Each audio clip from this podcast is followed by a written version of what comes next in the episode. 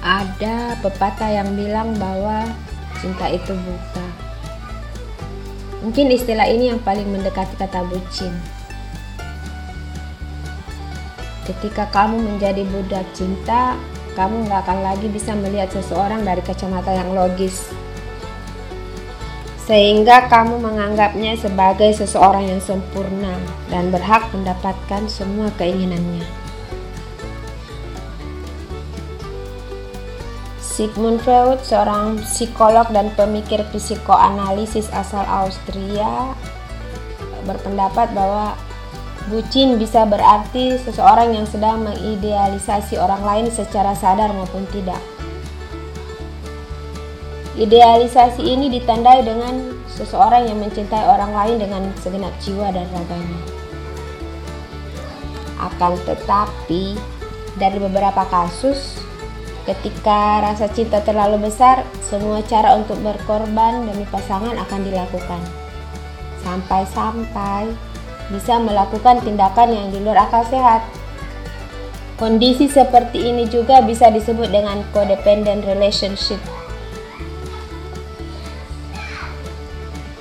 Codependent relationship adalah hubungan yang membuat kamu bergantung pada persetujuan pasangan terhadap segala keputusan yang dibuat. Nah, dari definisinya aja udah mirip dengan tanda-tanda seorang bucin kan? Bucin atau kependekan dari budak cinta jadi frase yang jadi tren hingga saat ini. Predikat ini diberikan buat seseorang yang rela melakukan apa pun demi cinta atau pendeknya sih menghamba pada kekasih. Sebelumnya Kata bucin itu dipopulerkan oleh dua orang kakak beradik youtuber yaitu Andovi dan Jovi. Mereka memiliki kanal YouTube yang bernama Skinny Indonesia 24. Bucin awalnya adalah julukan yang disematkan kepada Jovial hingga kemudian dikemas menjadi sebuah konten YouTube oleh mereka berdua. Dalam sebuah penelitian lain mengungkapkan bahwa seseorang kemungkinan besar menjadi bucin saat masa pacaran baru aja berjalan kurang dari tiga bulan. Namun bisa juga kamu menjadi seorang bucin saat jatuh cinta dengan seseorang yang meski belum berstatus saling memiliki. Belum resmi aja udah bucin.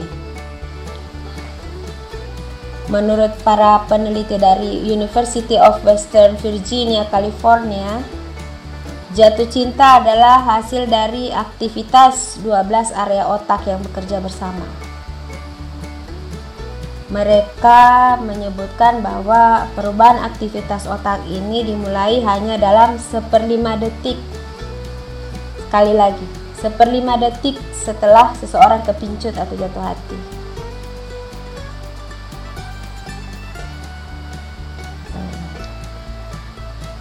Tanda-tanda bucin di antaranya tentu saja punya gebetan. Terus melulu soal dia. Hidup kamu 24 jam 7 hari seolah hanya berkutat pada si dia. Entah itu udah jadi pacar atau masih sebatas gebetan. Sepanjang waktu yang kamu mikirin hanya dia aja melayani keinginannya dan lain-lain.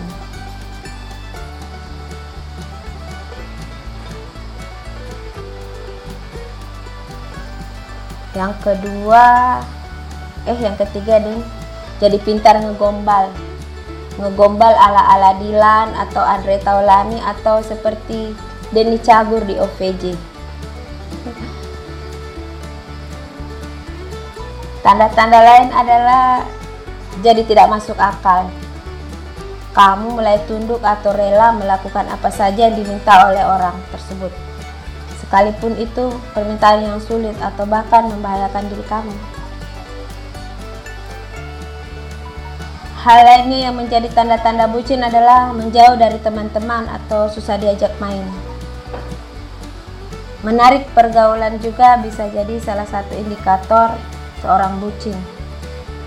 Gak ada waktu untuk sekedar menyapa teman atau menyempatkan datang ke teman-teman, ngajak kumpul.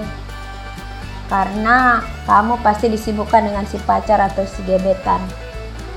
Entah menemaninya atau memenuhi permintaannya. Jadi, jika kamu mulai jarang ikut nongkrong dan selalu mementingkan menemani kekasih atau gebetan, maka hati-hati. Bila tahap tersebut sudah datang, ada baiknya kamu berefleksi.